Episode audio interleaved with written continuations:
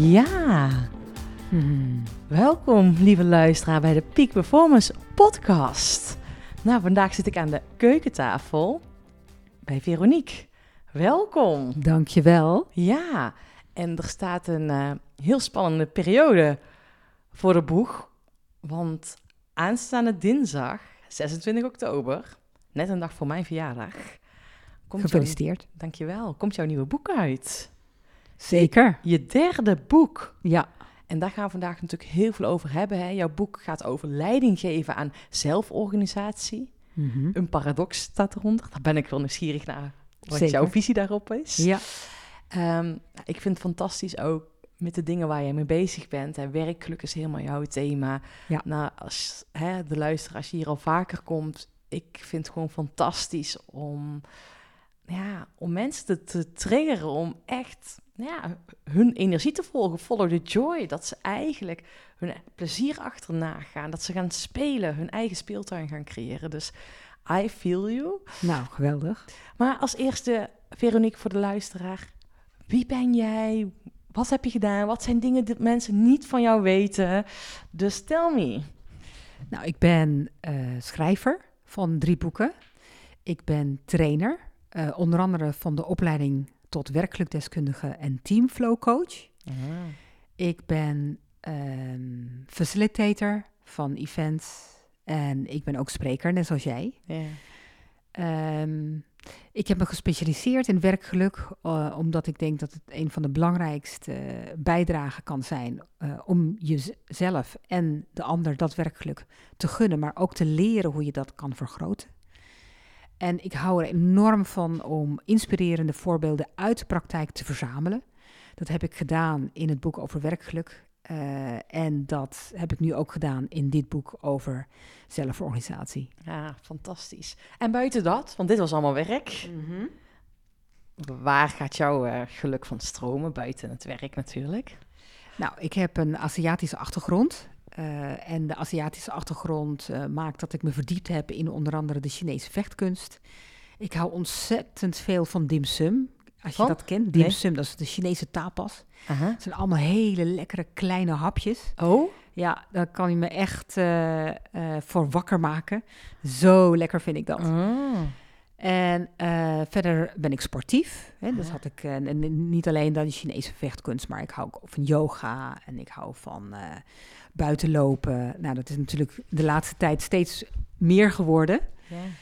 En eh, ik hou ervan om eh, feestjes te vieren, Sinterklaas en kerst en Echt? verjaardagen. Ja? ja, dat vind ik superleuk. Oh, fantastisch. Dus die kleine dingetjes, of kleine ja, feestjes, kunnen ook groot zijn natuurlijk, maar gewoon ook wel die familiedingen vind je wel heel erg belangrijk. Nou, en ook op het werk, gewoon daar feestjes vieren. Ah, ja, Ja. natuurlijk. Dat is het allerbelangrijkste. Iedere mijlpaal te vieren. Iedere mijlpaal te vieren, ja, dat is, ik zeg dat ook altijd, overwinningen moet je vieren.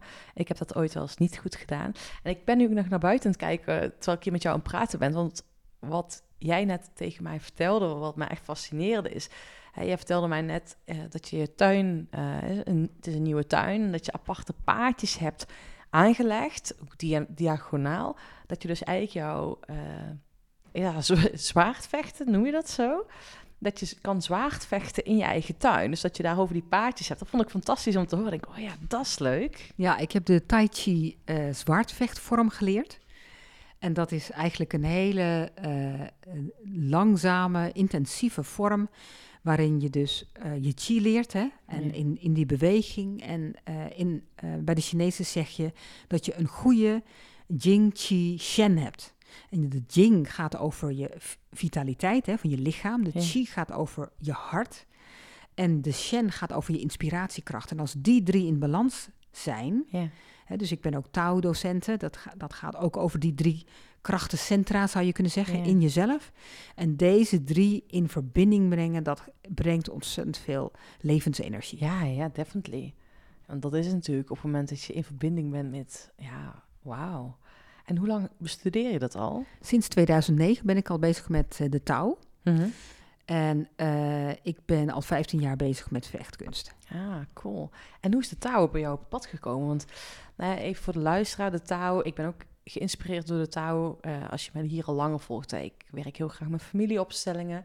Um, ik heb uh, ook deze opleiding gedaan bij Elmer Hendricks. En hij heeft, ook, ja, heeft zich ook door de touw laten inspireren. En met systemisch werk, opstellingenwerk, is um, nou ja, als het ware dat je dus pas gaat bewegen als je die beweging voelt. Hè, dus eigenlijk ja, het is eigenlijk alleen maar yin, yin. En op het moment dat je die yang voelt, dat je gaat bewegen. Maar vaak is dat veel te veel beweging. Um, en hoe is bij jou dan de touw op, de, op je pad gekomen? Nou, ik wilde heel graag die levensenergie voelen en ervaren. Ja. En uh, in het Taoïsme heb je heel veel sleutels voor die levensenergie. Ja. Uh, dus ik heb in de loop van de jaren geleerd, wat is dat dan, die chi? Hè? Die chi als het gaat om levenskracht. Ah. Hoe ervaar je dat dan? Hoe voelt dat aan? Hoe kan je dat in jezelf aanwakkeren? Ja. En dan kom je vanzelf bij wanneer stroomt het, wanneer stroomt het niet. En jij vroeg ook al van wanneer stroomt het in de organisaties. Nou, daar kan je ook kijken naar wanneer uh, uh, zie je dat dat open gaat. Ja. Ja, maar dat is echt de sleutel. Voordat we daar een bruggetje naartoe gaan maken, ben ik wel nieuwsgierig. Hè, van, um, hoe pas je dat nu nog toe in het dagelijks leven? Want hè, vooral afgelopen periode. Um, ik verwacht eigenlijk dat er nog veel meer gaat komen. Is die levensenergie super belangrijk dat we die laten stromen in ons lichaam. Um, heb jij daar bepaalde rituelen voor of dingetjes voor dat jij daarmee aan de slag gaat om bij jou die energie te laten stromen? Ik doe regelmatig meditaties. En dat mhm. zijn actieve meditaties. Je zou kunnen vergelijken met een soort tai chi beweging. hè? Oh ja, dus met beweging. Ja, dat doe ik inderdaad wel met beweging. Maar soms kan het ook gewoon zittend op een stoel. Ja. Uh, en um, je had het net over yang en yin. Hè? Ja. Dus uh, uh, ik ben, net zoals jij, denk ik, een hele jonge persoon. En ik wil veel en ik ben ambitieus en ik heb doelen en ik wil resultaten. En ik doe gewoon heel veel tegelijk. Mm -hmm. Zo ziet mijn leven eruit. daar heb je ook een soort yin-balans in nodig. Dus echt juist in de overgave gaan, in het uitrusten, in het naar binnen gaan, de meditatie, de inspiratiekrachten opzoeken. Dus dat is wat ik, uh, nou ja, zeker wekelijks doe, zo niet dagelijks. Ja, mooi. Ja. dat is fantastisch. Ik merk dat ook echt als ik een dag, gisteren had ik een dag on the road, was ik op pad geweest, een lezing gegeven, ook een team gecoacht. En toen kwam ik thuis, oh, en ik wil gewoon echt naar buiten. Ik ben echt, uh, we gaan het je hebt, uh, hebt het ook in jouw boek over elementen ik ben echt, ehm, ja, of ik dan ook echt aarde ben, I don't know. Maar de natuur is echt mijn ding. Gewoon buiten voelen. Gisterochtend die winter. Oh, fantastisch. Weet je wel, je maakt me zo blij daarmee in de bossen.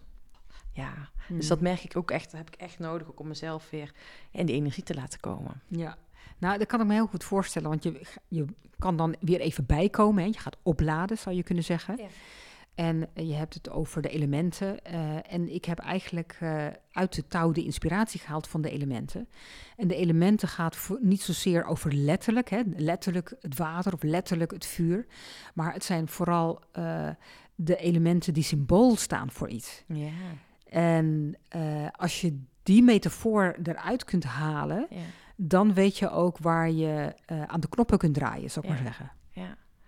Ah, en, en, dat kan je dus ook letterlijk zo zien in de organisatie waar het dan wringt. Ja, precies. Ja? En ja, dan gaan we daar zo meteen... Misschien is het nog eerst eventjes mooi voordat we dus daar... hoe je met die elementen in binnen organisaties aan de slag gaat... en hoe je daar met energie kan laten stromen. Um, hoe ben je daar tot gekomen? Tot werkgeluk, tot het fascinerend vinden voor organisaties... om binnen organisaties, um, nou ja, eigenlijk blijere organisaties te laten krijgen hoe is dat pad ontstaan? Nou, toen ik uh, afstudeerde, toen had ik uh, uh, een hele belangrijke tip in de oren geknoopt. ik had die tip gekregen van een organisatieadviseur. En die zei, de eerste baan is bepalend voor de rest van je carrière. En ik wilde toen al heel duidelijk in de organisatieadvies. want ik, ik ben van mening dat een organisatie heel goede feedback geeft over jou want je kunt, uh, als je die organisatie niet hebt, je kan altijd nog doen alsof er niemand is. Je kan uh, je eigen gang gaan. Maar een organisatie geeft je altijd feedback. Uh, en um, in het licht van de organisatie, ik zie een organisatie ook als een soort van community. In het licht van die organisatie kan je groeien of juist niet. Sommige organisaties is het heel erg moeilijk om daar te groeien. En tegelijkertijd denk ik dat ook daar heb je je lessen te leren, zal ik maar zeggen. Als je zelf in de spiegel durft te kijken. Ja, precies. Dus um, ik, ben, uh, uh, ik ben afgestudeerd in sociale wetenschappen. Hè, dus dat is eigenlijk sowieso al hè, een stukje management, een stukje cultuur. Uh, intercultureel management was een van mijn specialisaties. klinische arbeids- en organisatiepsychologie. En ik had me al daarin verdiept en ik wilde dus echt de eerste jaren me verdiepen in hoe zo'n organisatie dan werkt. En vervolgens vond ik dat het tijd was voor de mens in die organisatie. Dus ik heb me verdiept in HR. Dus ik heb allerlei HR-interim banen gehad uh, bij een woningcorporatie, bij een distributiecentrum, bij een bank. Heb ik gewerkt als HR-adviseur. En um, uh, hoe kan je nou als mens floreren in die context van een organisatie?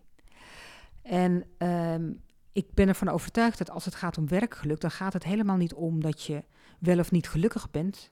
Maar als je je ongelukkig voelt, heb je dan bijvoorbeeld een supportteam. Heb je uh, kansen om te groeien. Dus uh, afgescheidenheid is veel erger, zal ik maar zeggen, dan je op dat moment even niet gelukkig voelen. Want als je je niet gelukkig voelt en je hebt wel een supportgroep en je hebt troost of je kunt leren of je kunt er lessen uithalen, dan uh, kun je wel je pad van dat werkgeluk vervolgen. Oh, dat is wel interessant wat je zegt. Want eigenlijk zeg je gewoon, het draait niet om het geluk.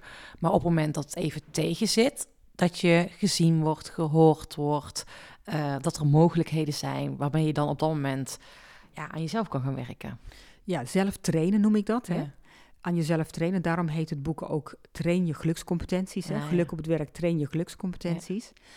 Ja, dus dat uh, mezelf en mensen zelf de regie daarover ja, gaan nemen. Precies. Ja, ja, dat is heel belangrijk. Ja.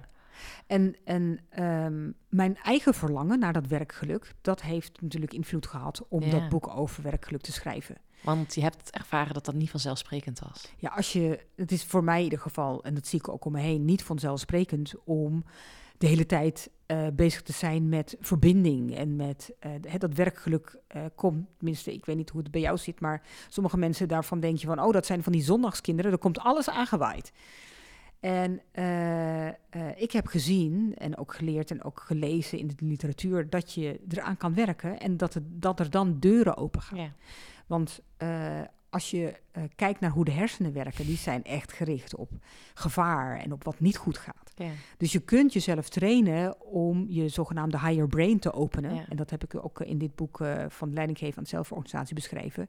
Hoe je je higher brain kan activeren en daardoor juist creatiever kan zijn en productiever en je gelukkiger kan voelen. Ja, fantastisch. Ja, en het begint met uh, positieve emoties. Ja. Als je die kunt uh, gaan oproepen, zal ik maar zeggen. En voeden. En voeden, precies. Ja. Nou, dan kom je in de feel, zoals ik dat dan noem. En de fly, dat is het feel, fly, flourish model wat ik daarin beschrijf. De fly betekent dat je daar een stemming van kan maken. En dan, als je dat weet vast te houden, dan kan je gaan floreren. Maar dit is dan ook een stukje neurowetenschap. Of even ja. hè, dat je dus eigenlijk jezelf, nou ja, ik, ik noem dat dan in mijn boek een beetje programmeren. Of dat je jezelf in die state of mind kan zetten. In ieder geval bewust van bent. Van waar zit je met je emoties? Hoe kan ja. je voor een andere emotie kiezen? En um, ja, dat is fantastisch als je dat spel gaat ja. ontdekken bij jezelf dat je de keuze hebt, ook hoe je je voelt. Ja, klopt. En dat ga je trainen. Ah, fantastisch. Ja. Ik wil even grappig, een leuke anekdote. Want gisteren gaf ik dus een presentatie voor die HR-managers. En ik betrapte mezelf erop dat ik in mijn presentatie zei... Vroeger, toen ik werkte... zo begon ik dus over. Ik heb sinds uh, tussen mijn topsportcarrière en het werk wat ik nu doe, heb ik twee jaar gewerkt in, in loondienst bij twee verschillende bedrijven. En om die, over die periode benoemde ik dus letterlijk um, toen ik werkte. Ja, met en nu werk je niet meer. Nee, met nee. andere woorden, nu werk ik niet meer. Maar dat zegt iets over hoe ik ja, hoe mijn werkgeluk nu is. Dat het niet als werk voelt. Dus dat vond ik even een grappige side note. Dat dat zo. Ja.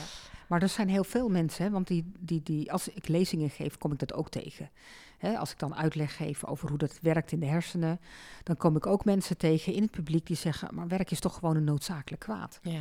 En dan vraag ik bijvoorbeeld: van, Goh, als jij morgen uh, de loterij zou winnen, zou je wie zou dan stoppen met werken? En dan gaan er een aantal handen omhoog. Hè? Zo Ja. van, nou, wij werken eigenlijk alleen maar voor het geld. Ja. En dan vraag ik, wie zou doorgaan met werken omdat het werk voedend is en Ja. dat je er bevlogen voor bent, ook al zal je genoeg geld hebben. Ja. En dan zie je de andere handen omhoog gaan. Ja. Dus gewoon het idee dat er eh, ehm, dat je daarin wel een keuze kan maken, maar die keuze maak je wel van binnen. Ja, ja. Ja, want op het moment als je het alleen voor het geld doet, dan zou ik zeggen, eh, het is nu eh, eind oktober, nou, kan je nog nu je ontslagbrief inleveren, want dat is geen goede motivatie. En het kan anders. Het kan anders, ja. Nou, in ieder geval, wat ik wil zeggen, maak die keuze. En dat doe je al door de- deze podcast te luisteren, dus daar zijn wij blij mee. Maar dat is wel, ja, dat, dat triggerde bij jou ook, dat je dacht van, oké, hier wil ik dus mee aan de slag. Ja. Hey, en nu komt dus eh, dinsdag jouw nieuwe boek eraan. Ehm, en ik vind het een fantastisch thema, omdat ik ook afgelopen jaar ook heel veel in die teamdynamiek, eh, nou, dat ik daar veel in zit. Ook veel ondernemerscoach, dat ik zie met hun organisaties. Ehm, ik ben natuurlijk heel erg nieuwsgierig hè, naar jouw, ja, jouw titel, hè, leiding geven aan zelforganisatie. Een paradox. Is het een paradox? Maar hoe kijk jij daar tegenaan? Nou, als je kijkt naar zelforganisatie, de meeste mensen denken bij zelforganisatie eh, aan teams die zelfsturend werken. En eh, de associatie bij zelfsturend werken is dat je dus als manager op je handen gaat zitten. In de tijd dat ik eh, als teamcoach werkte eh, en met teams werkte en die manager of teamleider zag, een van de meest gehoorde eh, eh, citaten is: Ik moet echt op mijn handen zitten. Of wanneer komen de teams nou eindelijk een keer los? Oh ja. Hè? ja. En ik heb dus teams gezien die gingen floreren, omdat eh, de manager wel de positie pakte en ruimte kon geven, maar ook kon ingrijpen wanneer het nodig is. En ik heb eh, teams gezien die het gewoon niet redden, die, die kunnen zichzelf niet uit, laten we zeggen, het moeras trekken waarin ze zitten. Ja. Die verdwalen als het ware. Ja. En, ja, en als er dan ehm, niet doorgepakt wordt en die teams de hele tijd maar doormodderen, Ja. ja, dan, dan, dan gaan ze niet floreren. Sommige teams hebben dan ook geen bestaansrecht meer. Hè. Die krijgen niet voldoende klanten of Nee, hebben ja. niet voldoende productiviteit. En, dan En kan geen je, geluk. ook, meestal is dat er ook niet. Nee. Maar dan, dan heb je dus de keus van wat ga je dan doen met zo'n team? Ga je, eh, eh, eh, als een team bijvoorbeeld echt helemaal zelf verantwoordelijk is, hè, met een eigen budget, met eigen klanten, met een eigen winstverliesrekening. En zo'n team krijgt het niet voor elkaar om, eh, als het een commercieel bedrijf is, winstgevend te zijn. Ja, dan ontmantelt zo'n team vanzelf. De, Ja. de, feedback is Ja, wat dat betreft keihard. Ja, ja, Hè? Net een, eh, eh, een, een, een echt bedrijf zou je kunnen zeggen. ja. Maar ehm, er zijn ook genoeg teams in de organisaties die niet commercieel zijn. Maar ja, die modderen dan wel door. En wat doe je dan als, als leider daarmee? ja. Maar is het mogelijk? Het is mogelijk om leiding te geven aan zelforganisatie. Want Ja. ik heb, wat ik net zei, hè, eh, ik heb een aantal interviews gehouden bij organisaties waar ik zag dat het werkte. Ja. Eh, omdat de valkuilen eh, zo groot zijn, omdat je vaker ziet dat het niet werkt dan dat het wel werkt. Ja. En ik heb dus onderzoek gedaan naar, oké, maar wat zijn dan die elementen? Wat zijn dan Eh, de cruciale factoren die je Ja. moet hebben? Ja. En wat moeten teams hebben? En Ja. wanneer gaat het werken en wanneer niet? Ah, dus je hebt echt randvoorwaarden onderzocht. Ook dat, ja. Ja. en is het ook niet mede, ook mede heel erg bepalend van hoe is het die leidinggevende erin? Want ik heb ook afgelopen jaren behoorlijk, met behoorlijk wat leiders, hè, of het nou ondernemers zelf waren of leidinggevenden waren, gewerkt. En je ziet gewoon dat ook de houding van die leidinggevende, ik doe even mijn hand meteen omhoog, zeg maar zo van, sommigen die vliegen zelf in de aanval en zitten in motto van ja, maar ja, ik kan het toch veel beter, dus ik los het wel op. Ehm, of ehm, de andere die laat, gaat veel, veel te veel naar achterleunen, want ze moeten het zelf toch maar doen. Ehm, dus die het, ja, zoals wat mijn analyse is, niet bewust zijn van hun eigen houding en rol, wat voor impact heeft op de organisatie. Nou, heel veel leiders zoeken daar inderdaad naar. Ja, hoeveel afstand moet ik nou nemen en hoeveel, eh, eh, zeg maar, moet ik er bovenop zitten? Wanneer Ja. moet ik nou ingrijpen? ja, En ehm, het is een proces wat de leider samen met het team maakt. En dat is denk ik wel heel belangrijk. Want als je dat proces niet samen met het team maakt en het team niet samen met de leider, dan wordt die leider ook nooit echt een van de teamleden, zal ik maar zeggen. ja, Het wordt onduidelijk wat zijn of haar positie is. Ja. ehm, eh, het team blijft hangen in, oh er gebeurt iets, hup meteen naar de manager. Ja. En daarom heb ik ook een soort fases beschreven van een team die echt nog hiërarchisch aangestuurd wordt. Die gaat, als die... eh, of Dat is als- fase 1 dan. dat is fase 1, ja. Ja. En als een organisatie dan naar zelforganisatie wil, ja. dat betekent dus dat ze eh, naar fase 2 gaan. Tenminste, dat willen ze. Ze willen dan gaan groeien. Hè? Ja. Dat, eh, dat het team niet meer automatisch naar de manager loopt, zou ik maar Ja. zeggen. Dus en met groei bedoel je ontwikkelen, dat ze die skills Ja. gaan trainen. Ja. En dat, die, die fase 2, die is eigenlijk het moeilijkst. Want fase 2 is de twilight zone, zeg maar. Mhm. Dan heb je, de, heb je nog niet de volledige flow. Want in principe is mijn visie, je wil een team in flow. Ja. Dat is eigenlijk hè, het doel van zelforganisatie, dat Ja. je de maximale creativiteit eruit haalt. Ja. En dat zo'n team in flow gaat. Ja. Dat het op elkaar is ingespeeld. En dat er dus automatisch een soort van rolerend leiderschap komt, zou ik maar zeggen. Maar voordat je daar bent, ben je dus eerst in die twilight zone. Je bent, het, je bent nog niet in de flow, maar de hiërarchie is losgelaten. En in die fase vallen teams of terug in fase 1. Mhm. Hè, dus dan gaan ze toch maar weer eh, naar de hiërarchie, zeg maar. Om, of Ja. moeten ze hiërarchisch worden aangestuurd. Ja. Of ze maken die doorstart naar die Ja. flow. Ja. En wat, welke, want je had net gezegd, het is af, mede bepalend of ze dat, die transitie gaan maken afhankelijk van me- eh, verschillende elementen of bepaalde randvoorwaarden. Kan je daar iets meer over vertellen? Ja, zeker. Ik heb eh, vijf elementen. En die elementen heb ik vuur, aarde, metaal, water en hout genoemd. Hè? Ja. Dus de inspiratie uit de touw. Ja.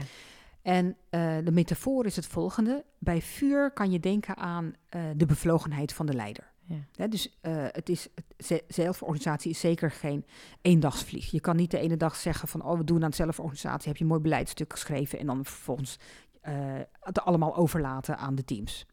Je moet er echt voor blijven staan. Maar het team moet ook wat willen. Daar moet ook vuur zijn, zeg maar. Ja. Willen zij zich ontwikkelen naar, naar eh, een team in flow? Ja. Eh, wie zijn degenen die eh, daar energie in willen steken? Ehm, heeft het team überhaupt de energie? Worden ze gelukkig van hun werk? Hè? Dus Ja. wat, waar zit daar het vuur, zou ik maar zeggen? En dan, als je dan naar de zelforganisatie wil bewegen, is het belangrijk dat je het hele team met elkaar meeneemt. Dat noem ik aarde. Dus je, je, je verzamelt je rondom het midden, zo heb ik dat genoemd. ja. En rondom het midden verzamelen betekent ook dat je gaat bouwen aan dat team als community. Ja. Dat je van elkaar weet wie waar mee bezig is. En je Ja. ziet heel vaak bij zelforganisatie, de- meeste teamleden die doen wat. En de ene helft weet niet wat de andere doet. Ja. Dus ja, dat betekent eh, dat je eh, elkaar kwijtraakt. Dus je kunt niet zelforganisatie starten met allemaal eentjes en af en toe een gesprekje met die en een gesprekje met die. Eh, je moet dat als team aan zich doen, zeg maar. Ja. Nou, vervolgens komt metaal. Metaal gaat over kaders, maar ook over grenzen. Ja. Hè, dus dat is een van de meest gehoorde vragen die ik teams heb horen stellen. Wat zijn de kaders? En wat mag ik wel, wat mag ik niet? Ehm, tot hoe ver ga ik? En eh, de mens van nature, eh, wat ik tot nu toe gezien heb, is ze willen groeien, maar het is ook eng om je houvast los te laten. Ja, dat is, dat is niet natuurlijk bij mensen. Hè? Dus, dus die erkenning willen en wanneer heb ik het nou goed gedaan en ehm, wat zijn onze spelregels en wanneer ehm, slaan we nou met elkaar linksaf en wanneer rechtsaf. Dat, dat zijn allemaal metaal, maar metaal gaat ook over eh, dat je durft te snoeien, hè? dus Ja. als rozenstruik. Wanneer durf je dan in te grijpen? Ja. Voor de Eh, leider. voor de leider, ja, Ja. precies. Hè? En, ehm, want er zijn momenten dat, eh, dat je als leider keuze hebt. Ja. Van laat ik dit team nu aanmodderen? Hoeveel tijd geef ik het? Ehm, zit er potentie in om te ontplooien? Want eh zelforganisatie is prima als alle teamleden eh, allemaal goed functioneren, zo noem ik het er maar eventjes. Maar de problemen gaan ontstaan op het moment dat er een van de teamleden ehm, gedrag laat zien wat, ehm, laten we zeggen, gaat lijken op dysfunctionerend gedrag. Daar zal ik later misschien nog wat meer over zeggen, maar ik moet eerst even die vijf elementen eh, afmaken. En dan komt water. En Mhm. water gaat over de manier waarop teamleden zich kwetsbaar durven opstellen. Ah, ja. Dus durf je emoties te delen. Ja. Durf je die verdieping in te gaan. Durf je eh, met elkaar je kwetsbaar op te stellen. Durf je te leren. Durf je te spelen. Want zeker bij, eh, als je het zelf moet gaan bedenken. Ja. Of als er heel veel zelfsturend vermogen van je wordt gevraagd, dan Ja. wordt er dus heel veel creativiteit gevraagd Ja. en nieuw gedrag. Ja. En eh, nieuwe dingen. En het is niet altijd leuk. Hè? Soms is het heel fijn en heb je successen. En soms dan moet je ook je verlies nemen en kan je dat dan delen. Nou, ehm, en, ehm, en vervolgens zie je hout, hè, en dat wil zeggen een team gaat groeien.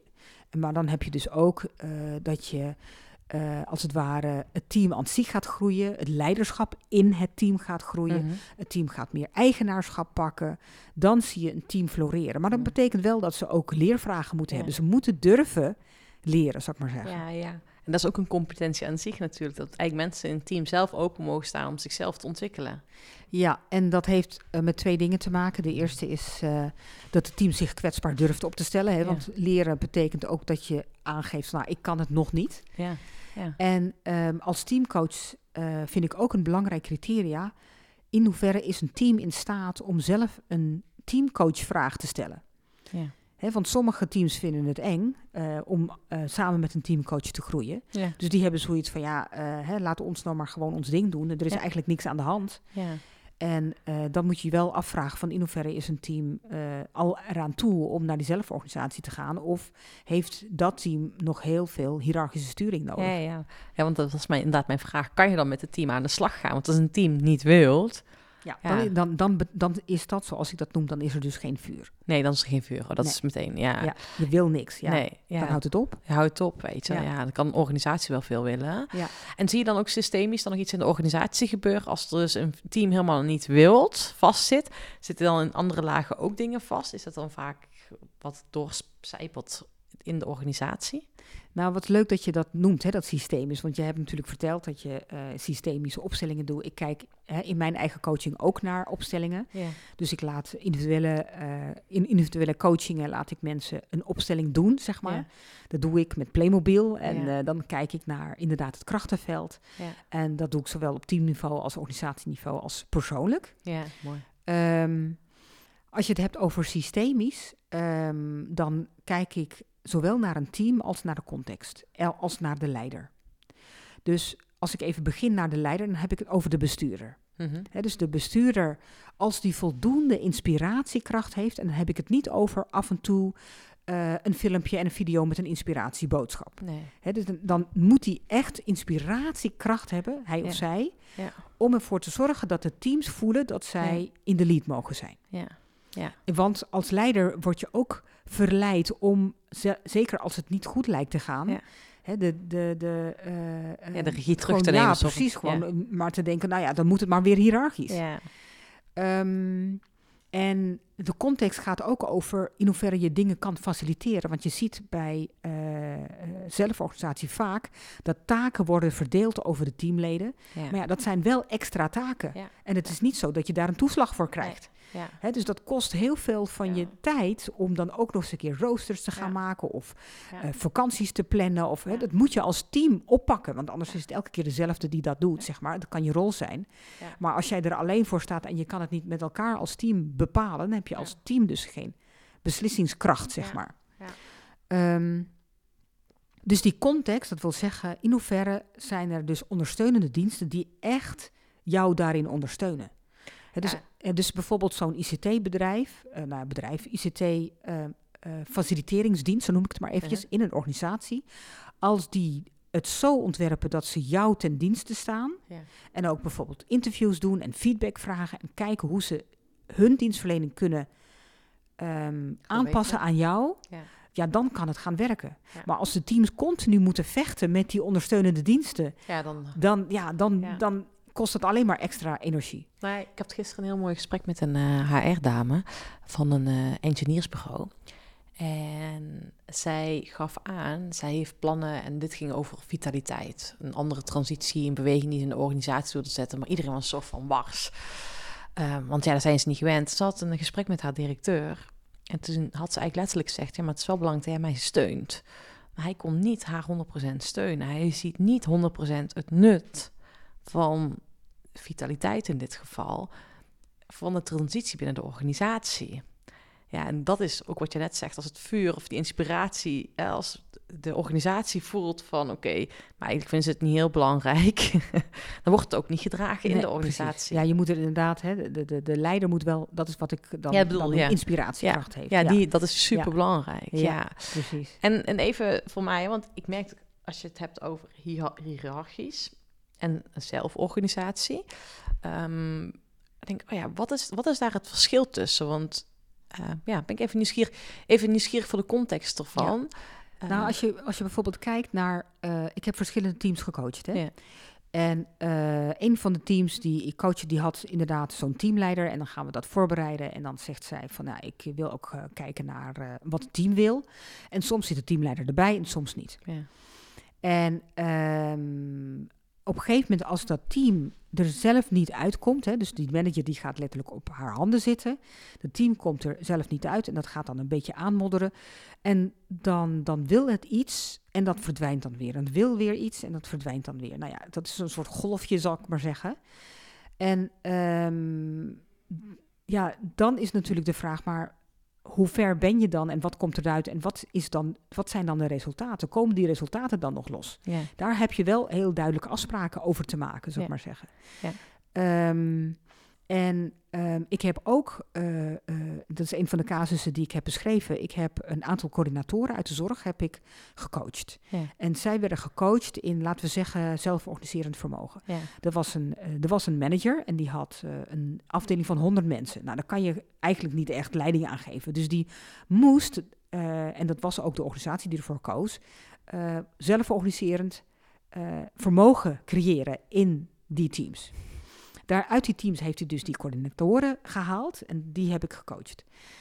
En dan krijg je een soort van double loop le- learning, zo noem ik dat dan. hè? ja, want, jij leert hun, hun leren ja, precies. En zij leren Ja. het weer in hun teams. Ja. Nou, die teams hebben bijvoorbeeld geleerd om ehm, eh, met het team eh, het gesprek aan te gaan. Daar heb ik bepaalde tools voor. Om ervoor te zorgen dat ze, eh, als het gaat om zelforganisatie, eenzelfde mindset hebben. Ja. Dan, dan kom je al heel snel ook op de sociaal wenselijke antwoorden. Hè? Want eh, als de organisatie naar zelforganisatie gaat, nou ja, dan, ehm, eh, dan wil je natuurlijk op een bepaalde manier meewerken. Maar dan komt het puntje bij paaltje.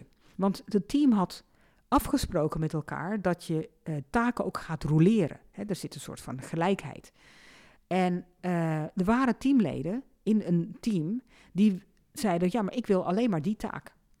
Ja, dat, dat gaat niet. Je kan niet alleen maar die taak willen, eh, omdat jij die taak leuker vindt en die andere taak niet. Als je als team afspreekt dat je gaat roleren. Want iedereen vindt bepaalde taken leuker dan de andere. Ja. Nou, en dan krijg je dus als team eigenlijk een conflict. Ja. Hè? En, en dat betekent dus twee dingen. Of je kan als team dat constructieve conflict kan je aangaan. Ja. Of je gaat als eh, leider ga je eh, bij die conflicten doorpakken. Ja. En eh, als dan naar boven komt eh, dat er een, een, een verschil van mening is, wat niet zeg maar te, te, te lijmen is, Ja. ja, dan is het belangrijk dat je als leider ook wel je positie pakt. En dan is het belangrijk dat je er weer boven gaat staan, hiërarchisch. hiërarchisch Ja, want dan staan. kan jij namelijk doorpakken waar Ja. het team dat niet kan. Ja, dus eigenlijk is het continu een switch van oké, ga je naar zelforganisatie, gaan ze het zelf doen? Of dat je aanvoelt, oké, nu moet ik hiermee eh erboven staan. ja, ja. Dat is wat, wat, wat, wat heel erg belangrijk gaat zijn in heel het proces. Nou, ik heb, ik heb eh, recentelijk had ik een team gecoacht en ehm, ehm, eh, een van de leidende mensen, ik zeg niet de leider, maar een van de belangrijke informele leiders, zo noem ik het maar, Mhm. in dat team, die ging weg. En dat veroorzaakte onveiligheid in dat team. Ja. En wat er gebeurde was dat eh, de teamleden nog niet voldoende tools hadden om echt met elkaar te praten, echt feedback te geven. Ja. Dus wat gebeurt er? Een teamlid gaat naar de manager. Ja. En die zegt, ja, maar mijn teamlid eh, A- aan B, die doet ze zo. Nou, ander teamlid gaat ook weer naar de manager. Die manager denkt, ja, wat moet ik hier allemaal mee? Hè, hoe ga, dus die, die heeft bijna geen andere keus dan ze terug te sturen Ja, naar, nou, los het op met je eigen team. Ja, En eh, dat team ging daar wel mee aan de slag en die besloot van, ja, maar wij moeten dit zelf kunnen oplossen. ja, Nou, als, je, als het team dat zelf besluit ja, en daarover spelregels maakt, dan pas komt zo'n team in fase 2. ja, Want in dat, dat een team voor zeg maar, onveilige dingen en eigenlijk voor... Wegvlucht. Ja, en, en dan meteen naar de manager gaat. Ja. ja. dat is eigenlijk hiërarchisch. Ja, ja. Ja. dus dan ga je weer inderdaad schiet je weer naar boven. Precies. Dus het ja. is eigenlijk continu van ga je naar boven naar degene die erboven staat, of gaan, hebben ze het vermogen, eh, of hoe ga- kan je het vermogen trainen dat ze zelf de uitdagingen aangaan. Ja, en ik vind het wel grappig dat je het noemt erboven staat. Hè? Want dat is de associatie die de Ja. meeste mensen hebben met hiërarchie. Ja. Er staat iemand boven mij. Ja, ja, ja, dat is waar. Hè? Ja. Maar in principe gaat het erom dat eh, iemand bevoegdheid heeft om door te pakken of niet. Ja. En ehm, daarom is het ook zo, zo belangrijk bij zelforganisatie. Je moet natuurlijk ook wel middelen hebben. Je kan niet iemand een opdracht geven en zeggen: ja, maar je kan niet aan de knoppen draaien. Hè, Dus eh, eh, ik zie het niet als erboven staan, want dat, die, die, het erboven staan, dat wekt ook heel veel ehm, projecties die Mhm. uit de transactionele analyse komen. Ja. Want de transactionele analyse, dat is gebaseerd op ouder-kind. Ja. En een ouder, ja, eh, voor een kind is dat letterlijk en figuurlijk, die staat erboven. Ja. Hè? Eh, daar ben je in die zin van afhankelijk. En je hebt daar ook bepaalde verwachtingen van. En je wil ook bijvoorbeeld erkenning en Ja. gezien worden van Ja. die ouder. Ja. Nou, die rollen die kan je natuurlijk ehm, doortrekken naar organisaties. Dus als de leider boven jou staat, dan ga je ook die projecties naar die leider Ja.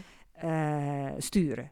Nou, en uit zo'n projectie komen, dat is ook een En onderdeel dan, je, van het bedoelt dus, leren. je bedoelt dus dat je dan dus de, de, de, ja, misschien bijna de verwachtingen van je ouders op je leidinggevende gaat projecteren. Ja, ja. ja. precies. Ja, dat is heel mooi dat je dit aangeeft. Want ik had recent ook een voorbeeld ehm, dat een man, eh, een leider, aangaf: Ja, ik heb moeite om een jongen te ontslaan. Het lijkt echt alsof hij een claim op mij legt. Terwijl dat bij andere mensen is het eigenlijk geen probleem. Deze jongen, ik ben ermee verbonden. En toen vroeg ik inderdaad ook naar zijn thuissituatie en naar hè, zijn systeem van herkomst. En er was, nou ja, er was behoorlijk wat ruis in. Dus hij projecteerde zijn innerlijke behoefte van inderdaad Ja. Volgens mij was dit in geval zijn vader op zijn leidinggevende. Ja. Ja, heel bijzonder. Dat is wel intens. Ja, nou ja, dat gebeurt dus vaker. Ja. Het enige is dat het in organisaties vaak niet besproken wordt. Nee. Hè, Ja. dus er is zoveel onderstroom die Ja. meetelt. Ja. Terwijl eh, het soms heel belangrijk is om die onderstroom naar boven te krijgen. En dat is waar mijn eerste boek over gaat. Hè?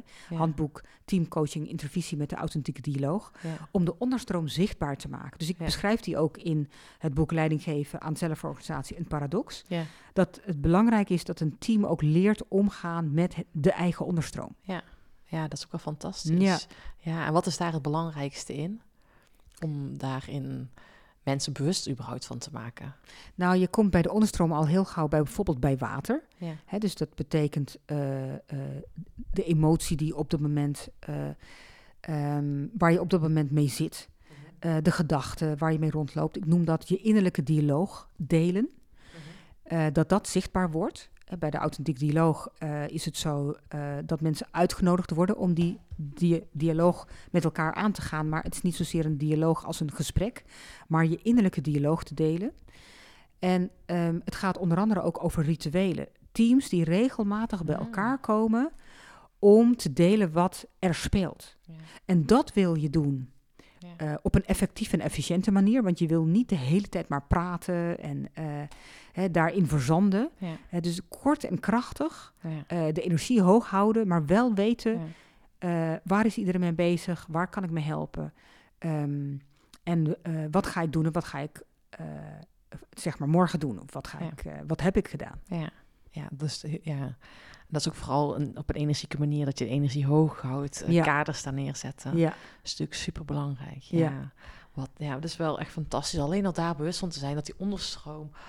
Wauw, het heeft mij zoveel geholpen om daar bewust van te zijn. Überhaupt de onderstroom van het leven misschien wel. Maar ja, dat er zoveel meer is dan alleen wat je in feitelijk ziet. Of hoort of gezegd wordt. Ja. Dus dat is Ja. wel heel erg belangrijk. En vooral binnen organisaties. Ja.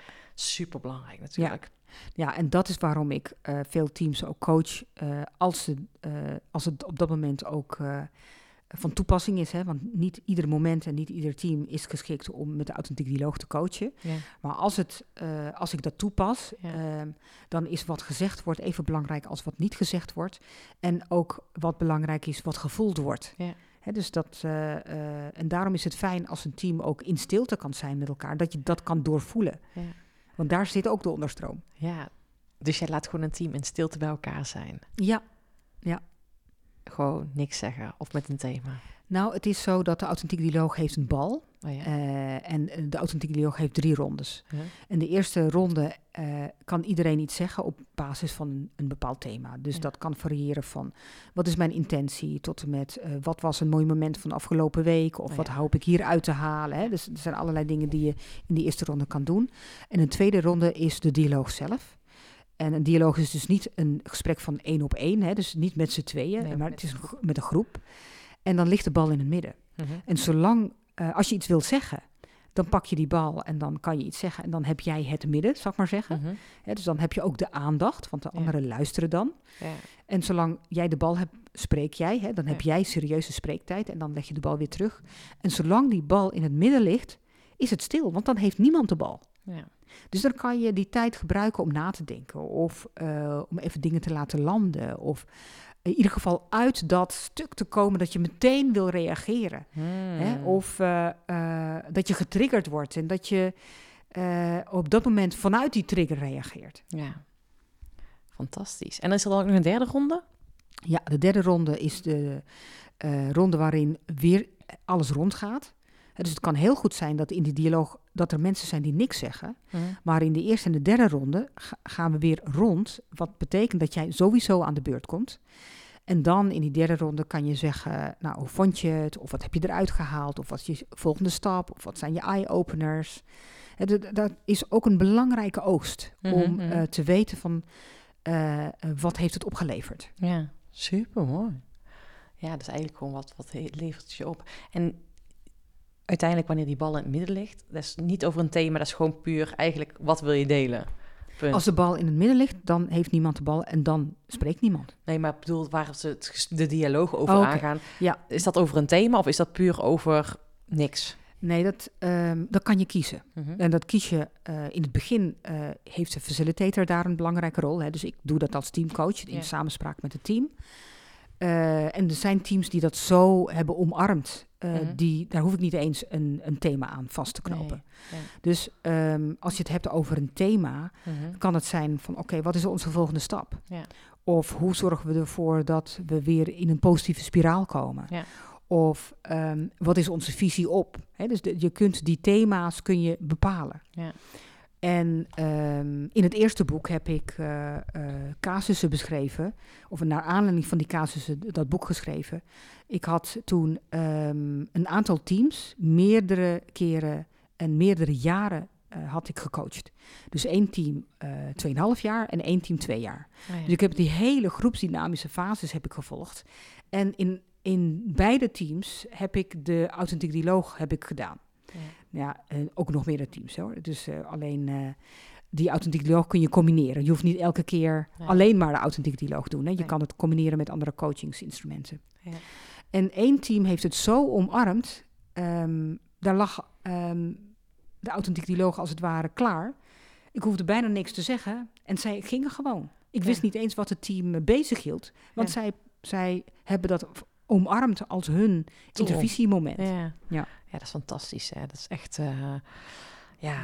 Dat, is- dat noemen we de generatieve dialoog. Dus Ja. dan is, komt gewoon naar boven wat op dat moment speelt. Ja, ja, fantastisch. Ja, dat, is, dat vind ik heel mooi. Dat is een super praktische tool. En dat vind ik ook wel leuk voor de luisteraar. Dat is echt gewoon super praktisch. Dat kan je zelf wel met je eigen team. Als je een team begeleidt, coacht, eh, gewoon manager bent, kan je dat ook gewoon. Zeker, ja. Ja. En, en dat is ook iets wat ik leer in de opleiding tot werkgelukdeskundige en teamflow coach. Ja. De mensen die bij mij die opleiding eh, volgen, die krijgen ook het boek en die leren ook de authentiek dialoog. Ja. Dus die leren dat ook toe te passen in hun eigen omgeving. En Ja. je kan dan oefenen met je vriendinnen of met je team of met je, eh, met je familie of in je eigen gezin. Ook dan levert het heel veel op. Ja, dat is fantastisch natuurlijk. Ja. En dan nog eventjes, Veronica, ben ik heel erg nieuwsgierig naar als je terugkijkt naar je laatste boek, wat er bijna is.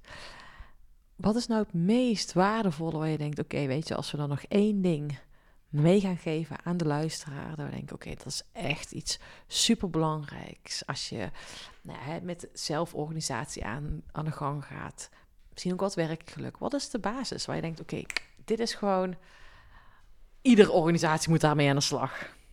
Nou, de, naast die vijf elementen heb ik ook eh, eh, een deel geschreven dat heet het zelfsturend vermogen activeren. Ja.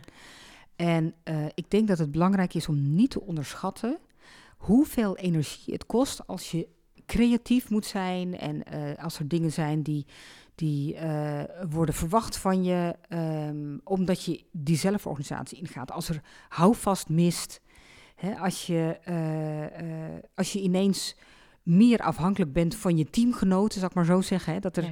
dat, dat je denkt van, oh, maar er wie moet er nou voor mij opkomen? Bij wijze van Ja. spreken, hè, eerst had je Ja. nog voor je gevoel misschien een escape en dan heb je dat niet meer. Maar al die, dat soort zaken, dat kost energie. En ehm, ja, wat ik eerder vertelde, hè, de, de, de hersenen die gaan gemakkelijker naar wat er niet is, dan wat er wel is.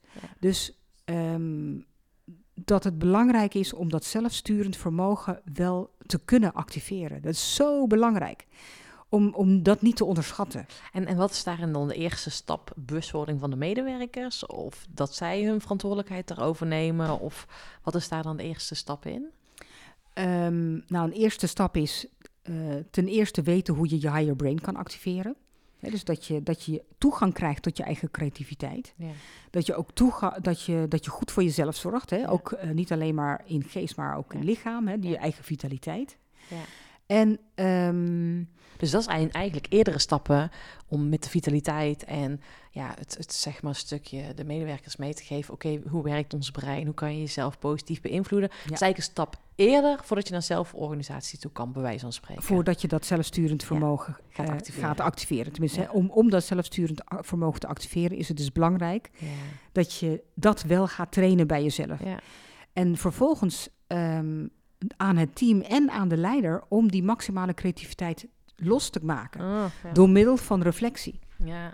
Hè? En eh, Ja. ik heb bijvoorbeeld ook een casus beschreven waarin er een leider die reflectiegesprekken twee maandelijks voert met de medewerkers. Hè, dus da- da- dat genereert ook heel veel creativiteit. Ehm, en het is ook heel belangrijk dat een team ook leert om, eh, zeg maar, ehm, overstijgend te gaan denken. Ja. Je, als er een team is wat, eh, waarvan alle teamleden alleen maar denkt aan eigen belang en niet overstijgend kan denken, Ja. dan krijg je die zelforganisatie niet voor elkaar. Nee, ja, super interessant. Ja, en ik schrijf nu op, alles begint eerst met je eigen energie. Dat is bijna het cirkeltje rond, hè? Weet je, als je dus binnen organisaties ook wil veranderen, dat je ook eerst mensen mag bewust worden wat voor impact met zijn eigen energie kunnen maken. En dan kunnen ze naar die zelforganisatie toe. Ja, dat is een begin, zeker. Maar dat is, het is, laten we zo zeggen, het is meer dan alleen maar een organisatiestructuur veranderen. Nee, ja, was het maar zo simpel. Ja, ja, ja. Ja, het is een hele beweging. Waarbij het ook iets vraagt natuurlijk van de leider, van eh, de directie, van het systeem, van de medewerkers, van iedereen. Ja, ja precies. fantastisch. Ja. hey, en hoe gaat het voor je zijn, denk je, aanstaande dinsdag, als je die doos opent? Nou, da- ik hoop dat ik daar eh, met veel vreugde eh, dat ga doen. Hè, dat noemen ze een un- unboxing moment. heb ik ook Unboxing, al geleerd. Hè. Eh, een vriendinnetje die gaat mij filmen voor dat unboxing moment. En dan, eh, ja, dan is het natuurlijk wel echt, hè, want dat is dan voor het eerst dat ik fysiek dat boek eh, in mijn handen heb. Ja. Ja, dat kan ik natuurlijk niet veinzen, dus dat is een authentiek moment. Ja, fantastisch. Ja. hey, en gaat het nog wel anders zijn dan die andere twee boeken, omdat het nu je derde is? Of blijft het hetzelfde iedere keer als je een boek schrijft? Daar ben ik gewoon nieuwsgierig naar. nou, ehm, eh, het verschil is dat ik de eerste twee boeken in eigen beheer heb uitgegeven en het eh, derde boek met een uitgeverij. Ah, ja. Dat is wel echt een, een verschil. Ook een Ja. proces in, in, in procedure. ja. Eh, ik, ik heb dat boek en manuscript geschreven en uiteindelijk hebben we een derde uit het boek geschrapt. Ja, ja, natuurlijk. Hè? Ja. En dat, eh, dat heb ik dan nu wel beschikbaar gemaakt als downloads op Ja. eh veroniekilian.nl en op eh trainjegelukscompetenties.nl. Hè, daar kan je dan die downloads terugvinden, of, of blogs. Ja. Maar dat, is een, dat zou ik mezelf, hè, als, ik, als, ik, als ik dit in eigen beheer had geschreven, had ik mezelf dat niet toegestaan Nee, dat om zoveel ik. te schrappen. Nee, ik weet het hoe het proces was. Dat wij hebben ons boek geschreven bij dezelfde, dezelfde uitgeverij.